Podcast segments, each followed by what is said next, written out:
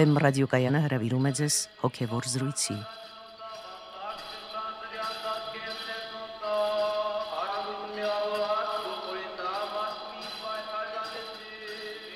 Հոգևոր զրույցներ հաղորդաշարի մեր հյուրն է Արցախի թեմի առաջնորդ Գերաշնորհ Տեր Պարքև arczepiskopos Մարտիրոսյանը։ Աստված օգնական Սրբազան հայր։ Աստված պահապան։ Սրբազան հայր, այսօր խոսենք հոգիների վերամարմնավորման մասին։ Դուք քաջատեղյակ եք, քանի որ այս ուղությամբ ունեք ուսումնասիրություն, որ դա լայնորեն տարածված այսօր մի գաղափար է, սկսած արևելյան ուսմունքներից, վերջացած եվրոպական զանազան էզոտերիկ ուսմունքներով, եւ ընդհանրապես ասենք դրա ակունքները նաեւ գալիս են վաղ շրջանի զանազան գնոստիկական ուսմունքներից եւ հեթանոսական միստերիաներից։ Ինչպես է ընդհանրապես քրիստոնեական եկեղեցին հոգիների վերամարմնավորման այս գաղափարին վերաբերվում։ Ժխտական եւ միանշանակ ձևով բացառում, բացասում եւ շղթում է այդ գաղափարը։ Պետք է ասեմ, որ դա շատ լայնատարած բուն է դրել Հնդկաստանում, Չինաստանում, Ճապոնիայում, այդ տարածաշրջանում։ Դա եղել է նաև տարածված Փոքր Ասիայում, գնոստիկների ժամանակաշրջանում։ Կար այդ գաղափարախոսությունը նաև Հունաստանում, Եգիպտոսում եւ Աֆրիկայում, եւ պետք է ասեմ նաև հարավային եւ լատինական Ամերիկայում դեռ 2000 տարի առաջ։ Եթե մենք փորձենք խոսել արևելյան ուսմունքների մասին, բուդդիզմի, հինդուիզմի, բրահմանիզմի մասին, յոգայի, սանքյայի, որ այդտեղից է այդ ակունքը ստացել, այնտեղ տեսականորեն փիլիսոփայական ձևակերպումը հետեւյալն է։ Իրենք ասում են, որ կա գերագույն էակ, կամ որին երբեմն անվանում են Աստված կամ Բրահմա, որը ունի գիշեր եւ ցերեկ, այսինքն գիշերը ինքը հանգստանում է, ցերեկը արարում է, այսինքն մեկ շունչը եւ արտաշունչը Աստծո։ Երբ որ նա ներշնչում է, ստեղծվում են աշխարհներ, կյանք է առաջանում, երբ որ արտաշնչում է, ամեն ինչ ոչնչանում է։ Այդ իր ցերեկվա կամ ներշնչման պահին, երբ որ կյանք է առաջանում, իրենք ասում են այսպես. մարդը կազմված է 7 մասերից գերագույն առաջին մասը դա մարդու եսն է, որը Աստծո կայծն է, մասնիկն է, եւ դրանից զատ մարդու ունի 6 մարմիններ, ասենք բուդխակական, նիրվանական, եթերային, աստրալական, մենտալական եւ ֆիզիկական մարմինը։ Եվ ասում են այսպես մարդ իր կյանքի ընթացքում բազմիցս 100 անգամներ վերամարմնավորվում է, այսինքն իր գերագույն եսը ստանձնում է այդ 6 մարմինները եւ մեկ կյանք ապրելով հրաժարվում է այդ 6 մարմիններից եւ նորից նորից մի այսպիսի շրջանակ է, որ իրենք կոչում են սամսարայի շրջանակ, երբ որ մարդու հոգին վերամարմնավորվում է, միգուցե 300-500 անգամ։ Իսկ ամենավերջում, երբ որ վերջին վերամարմնավորումն է տեղի ունենում, նրա գերագույն եսը նորից վերադառնում է որպես Աստծո մասնիկ Աստծուն, ձուլվում է Աստծո մեջ եւ անգիտակից վիճակ է տիրում։ Բայց երբ որ նայում ես այս փիլիսոփայությանը կողքից, չեզոք աչքով, ապա հարց է ցակում. ով է այստեղ մարդ եւ որտեղ է մարդու փրկության ճանապարհը։ Եթե Աստծո մասնիկն է, գերագույն մարդու եսը,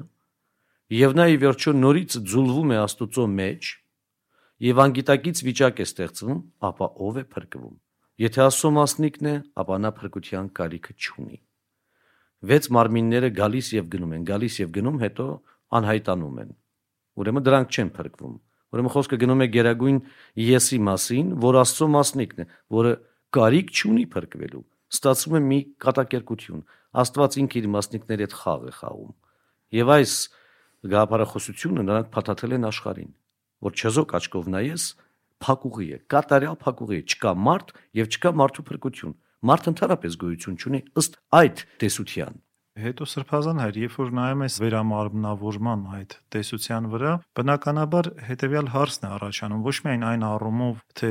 որն է ի վերջո մարդու կյանքի նպատակը, մենք տեսնում ենք բավականին աննպատակ գոյություն ունի մարդը նմանօրինակ համակարգում, այլ նաև ինչու առասարակ մարդը որևէ առաքինություն պետք է գործի։ Եթե ինքը բազում վերամարմնավորումների միջոցով ի վերջո գալու է հասնելու է ինչ որ մի վիճակի, ո՞րն է առաքինության նպատակը առհասարակ այդ համակարգում։ Այդտեղ առաքինություն ընդհանրապես չկա ըստ այդ տեսության։ Միևնույնը մարդ իր վերամարմնավորման հետևանքով իբրև թե մարդ պիտի յուրահատուկ փորձ ձեռք բերի, որը ի վերջո պետք է տանի իրան դեպի փրկություն։ Այսինքն իմաստությամբ ի վերջո 100, 2 կամ 300 անգամ պետք է վերամարմնավորվի, իմաստնանա եւ ի վերջո փրկվի։ Բայց այդ փրկությունը ո՞րն է։ Փրկվի սրբազան հայր, թե մեռնի։ Ըստ իրենց ասացի, իբրև թե պետք է փրկվի, այդ անունն են կիրառում, մուկտի կոչված տերմինն է, որ իբրև թե պետք է փրկվի,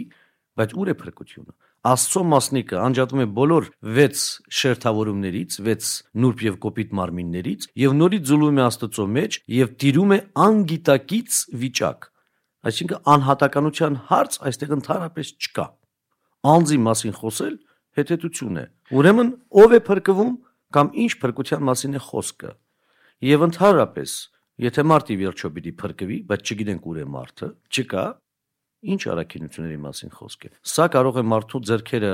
ազատել եւ մարդ կարող է անընդհատ մեղավոր կյանքով ապրել, ասելով. «Է ինչ տարբերություն։ 500 անգամ կվերամարմնավորվեմ եւ վերջում մեկը պետք է փրկվեմ»։ Սրբազան փաստորեն առաջի մարդը, որը դուրս եկավ այս վերամարմնավորումների ցիկլից, ըստ իրենց տեսության, ըստ բուդդիզմի, համարվում է, որ դա Բուդդան է, այսինքն ինքը ընկնվեց նիրվանայի վիճակում, որը թարգմանաբար նիրվանա ընդհանրապես նշանակում է մահ կամ քուն։ Այսինքն այլևս ինքը չի վերամարմնավորում։ Եվ այսպիսի մի մեկնաբանություն կա, որ մարդը անդադ ուզում է մեռնել եւ չի կարողանում մեռնել, այսինքն ուզում է մտնել նիրվանայի մեջ եւ չի կարողանում, այդ վերամարմնավորումները խանգարում են։ Եվ վերջո կատարելության ճանապարհը այն ճանապարհն է, որ դու հասնում ես նիրվանայի,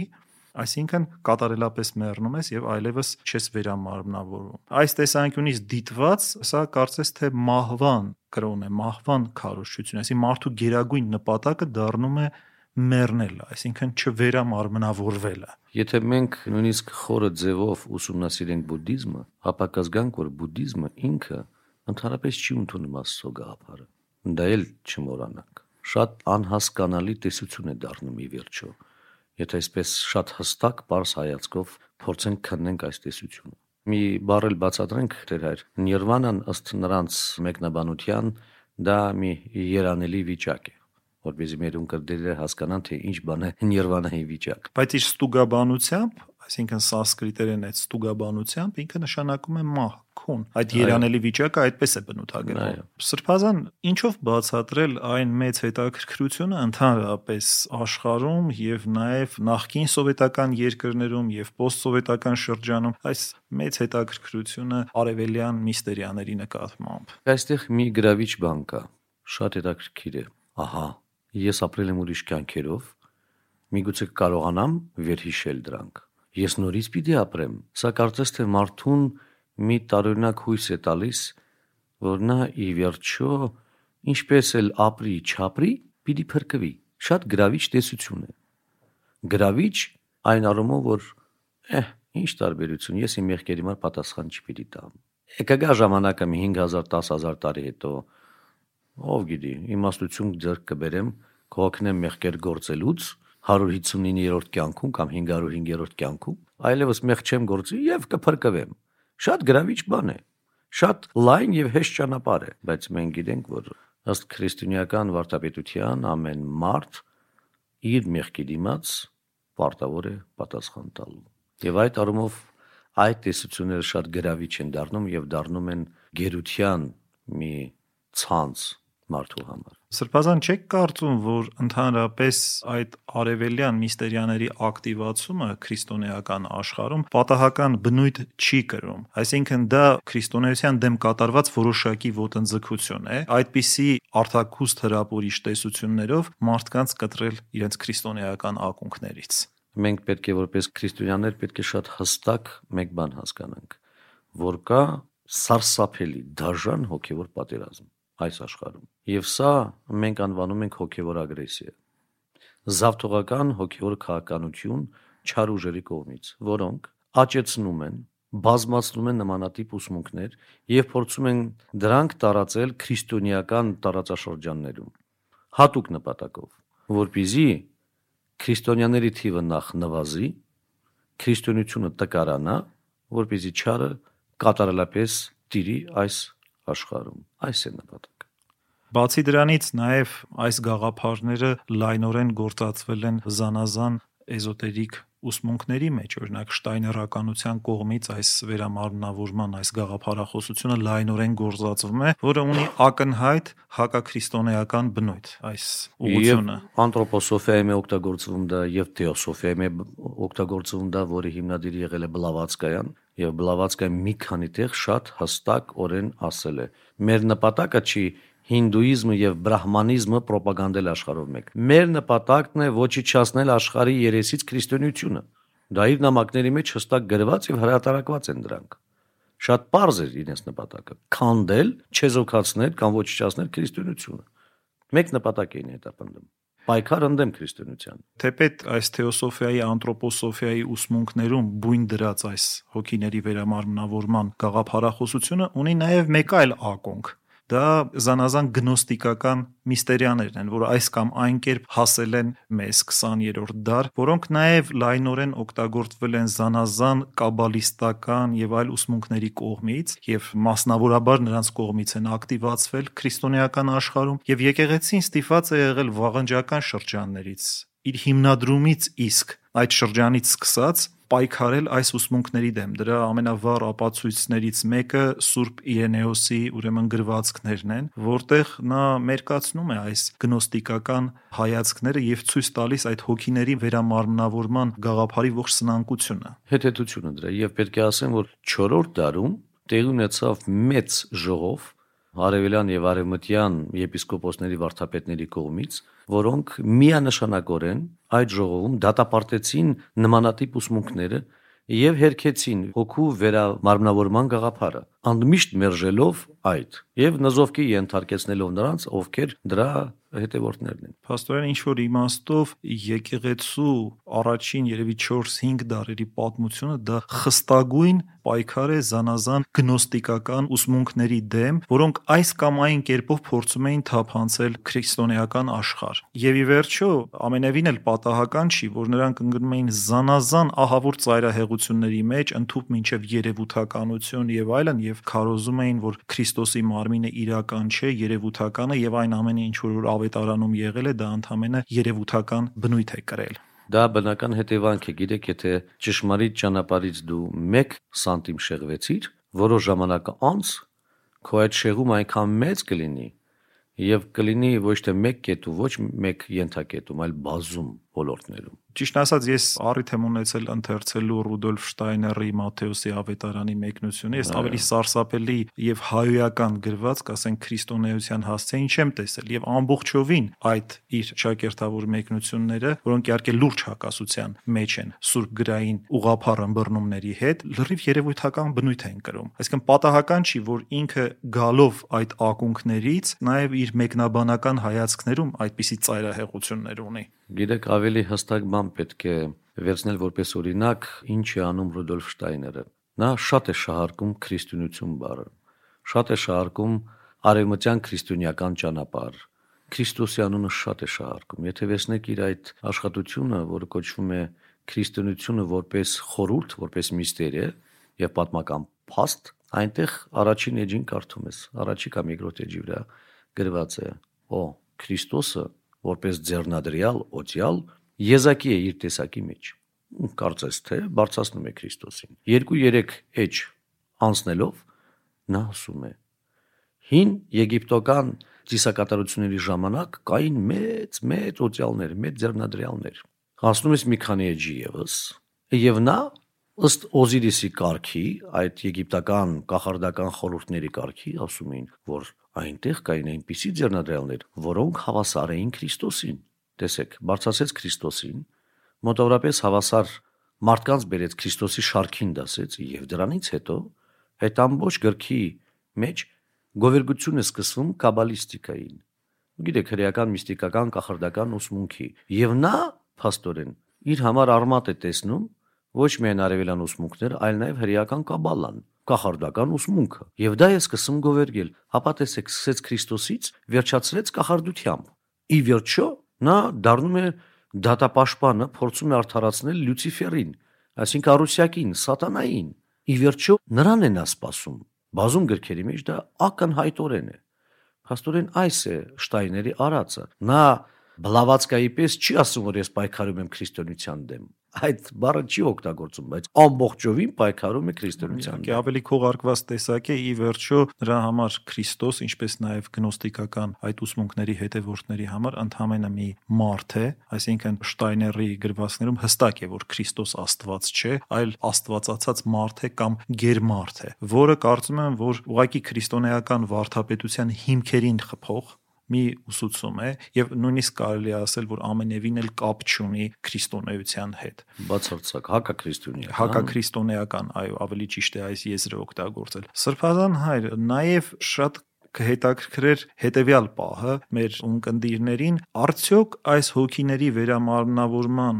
այս գաղափարախոսությունը կապ ունի որոշակի մագիզմների հետ, այսինքն մագիայի, կախարդությունների եւ այլն եւ սա լայն դաշտ չի բացում նման օրինակ գործունեության համար։ Գիտեք ինչն է ամենա հետաքրքիրը եւ տարօրինակը։ Եթե վերցնենք աֆրիկյան մագիզմը կախարդությունը, ապա կտեսնենք, որ այնտեղ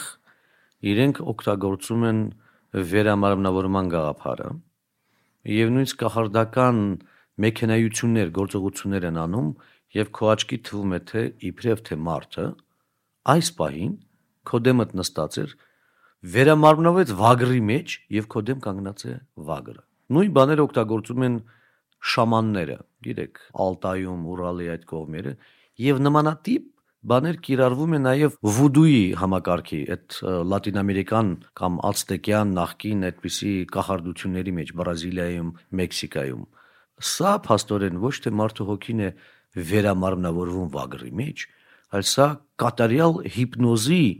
տիրապետման մակարդակ է։ Եվ նաև դիվային ուժերի ներգործության հետևանք է։ Դրանք չար ուժեր են օգտագործում եւ խապկանք են ստեղծում մարդու աչքի առջև։ Ուղղակի օգտագործում են սատանայական չար զորություններ եւ նույն գաղափարախոսության հետևորդներն են հոգու վերամարմնավորման։ Փաստորեն մեզ համար շատ հստակ է դառնում, որ այս տեսության աղբյուրը եւ ակունքը սատանան է։ Դա հասկանալի է միանշանակ հասկանալի լինի դա Ամերիկայում, Աֆրիկայում կամ Արևելքում կամ Փոքր Ասիայում կամ որ արդեն սկսեց տարածվել մի 2-3 դարեր կամ 4 դար առաջ նաև Եվրոպայում որ սկսեց ներթափանցել։ Դրա հետևում կանգնած է սատանան։ Այս է այս ուսմունքների հետևի կանգնած Տերը եւ Տիրակալը։ Դուք նաև ասացիք, որ խորքային իմաստով իրենք նաև Աստծուն չեն ընդունում, այսինքն արևելյան այս ուսմունքներում Աստծո գաղափարը գրեթե դուրս է մնում այդ ուսմունքից եւ այս իսկ պատճառով շատ լղոզված հասկացողություն կա չարի եւ բարու, այսինքն չկա հստակ զատորոշում ինչ է բարին, ինչ է չարը եւ մարդը ի վերջո ինչ ընտրություն պետք է անի, ուր պետք է գնա։ Հենց ամենասկզբում մենք խոսեցինք դրա մասին Տեր հայր, երբ որ ըստ այդ տեսության, եթե մարդ պիտի 100 կամ 500 անգամ ապրի, տարբեր մարմինների մեջ, ապա իր համար նշանակություն չունի նա մեղավոր թե անմեղ կյանքով է ապրում։ Իր համար բարոյականություն արդեն գոյություն չունի։ Մենք ամենասկզբում դա նշեցինք եւ ընդգծեցինք, որովհետեւ այդ տեսության համար մարդու համար կարիք չկա բարոյական գործեր ստեղծելու։ Իմաստ չունի։ Ի վերջո միևնույնն է նա իբրև թե պետք է փրկվի։ Սրբազան, եթե արևելյան այս հոգիների վերամարմնավորման գաղափարը իր մեջ ունի շատ մարդաբանական անհեթեթություններ, օրինակ մարդու հոգին, գիտենք որ բանական հոգի է, ինքը կարող է ինչ-որ կենթանու մեջ մտնել, որ բանական հոգի չունի կամ ծառի մեջ, հետո նորից մարդու մեջ, եւ այստեղ նույնիսկ մարդաբանական հակասություններ են առաջանում, ապա Պլատոնի մոտ կար հետևյալ տեսանկյունը, որ մարդկային հոգիները ունեն փոխանցականություն, այսինքն նրանք գալիս են վերին աշխարհներից, մտնում մարմնավորում եւ հետո անընդհատ մարմնավորում են, մարդուց մարդ են փոխանցվում։ Եվ Պլատոնը ասում էր, որ ամեն մի փոխանցման ժամանակ նա խմում է մոռացության բաժակը հոգին եւ այլևս չի հիշում ինչ է իր հետ եղել։ Իհարկե Իրենեոսը շատ սուր քննադատության է ենթարկում այս տեսանկյունը, ասելով իսկ դու որտեղից իմացար, որ նա մոռացության բաժակն է, ամպել եթե ինքը որևէ բան ընդհանրապես չի հիշում, բայց քրիստոնեության մեջ ընդհանրապես որևէ մարդու հոգի կարող է փոխանցվել մեկ այլ մարդու։ Բացառված է։ Մարդ ապրում է մեկ անգամ եւ կենթանի եւ մեռած մարդիկ բոլորը պետք է սпасեն ահեղ դատաստանին։ Ինչու եմ ասում կենթանի մարդիկ, որովհետև կարող է գալ ահեղ պահը, երբ որ այդ պահին կարող են լինել ողջ մարդիկ այդ պահին։ Իսկ ինչպես է դեպքում մեկնաբանվում, որ Եղիսեն ստացավ Եղիայի հոգին կամ երբ որ Հովանես Մկրտչի մասին ասում է, որ դա նույն ինքը Եղիան է։ Նրանց հոգու շնորները ստացավ, ոչ թե հոգին ստացավ։ Այսինքն խոսքը չի գնում նույն հոգու մասին, այլ այդ շնորների հոգին, որ կար նրանց Մենք վրա։ այսօր էլ ենք օգտագործում, ասում ենք, օրինակ կարող ենք ասել Մերորիա Վարդան Մամիկոնյանը մեր այսօրվա անդրանիկները եւ նժդեհները, չէ։ Մերորիա Ղևոնդ երեցները։ Մենք դա օգտագործում ենք, չէ։ Մերորիա Նարեկացին։ Կարող ենք դա ասել։ Այսինքն մարդիկ, որոնք կատարում են նմանատիպ գործեր, նմանատիպ ոգով են ծառայում ժողովրդին եւ Աստծուն։ Այդ յուրահատուկ շնորհքների մասին է, որբիզի համետական կարգ անցկացնենք այնպես որ խոսքը գնում է ոչ թե հոգու մասին, այլ նմանատիպ հոգու շնորհքների մասին, նմանատիպ առաքինությունների կարողությունների մասին։ Եվ վերջը նաև սա սրբազան հայ շատ լուրջ հակասություն ունի քրիստոնեության ամենահիմնական դրույթներից մեկի հետ, որ մեռելների հարությունն է եւ երբ որ հոգիները վերստին պետք է միավորվեն իրենց մարմիններին։ Սա տիրոջ ուսուցումների մեջ շատ առանցքային տեղ ունեցող վարդապետություն է։ Եթե ուղիղ նայենք, այդ ուսմունքները ընդհանրապես վիրավորում են մարդ արարածին։ Նրանք ընդհանրապես խոսում են իբրև թե մարդու հոգու փրկության մասին, մոռանալով, որ մարդը մարդ էակը բաղկացած է եւ հոգուց եւ մարմնից իսկ ով պիտի փրկի մարմինը ով պիտի մտածի մարմնի փրկության մասին ոչ մի կրոն ոչ մի ուսմունք չել մոտենում այդ հարցին միայն քրիստոնեությունը մոտեցավ այդ հարցին միայն այդ հարցը դրեց քրիստոնեությունը եւ լուծեց այդ հարցը քրիստոս հարություն տվեց մարդու մարմնին նա փրկեց հավիտենական մահից մարդկային մարմինը ապականությունից եւ հավիտենական մահից եւ աստվածացրեց այդ մարմինը եւ տարավ նստեցրեց այդ աստվածացրած փրկված մարմինը հարուցյալ մարմինը տարավ հոր աստծո աչ կողմը նստեցրեց փրկեց նաեւ ֆիզիկական բնության մեկ մասը մարդու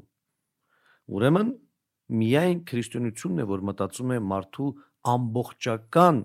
փրկության մասին եւ հոգու եւ մարմնի որովհետեւ ընդհանուր հարությունից հետո դատաստանից հետո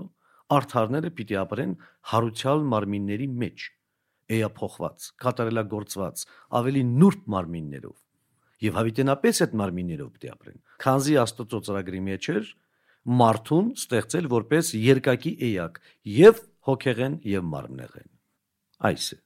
Շնորհակալություն Սրբազան հայր, թույլ տվեք սրանով եզրափակել մեր այսօրվա զրույցը։ Սիրելի ունկնդիրներ, ձեզ հիշեցնում եմ, որ մեր այսօրվա հյուրն էր Արցախի թեմի առաջնորդ Գերաշնորհ Տեր Պարքև arczepiskopos Մարտիրոսյանը, Աստված օգնական սրբազան հայր։ Աստված պահապան։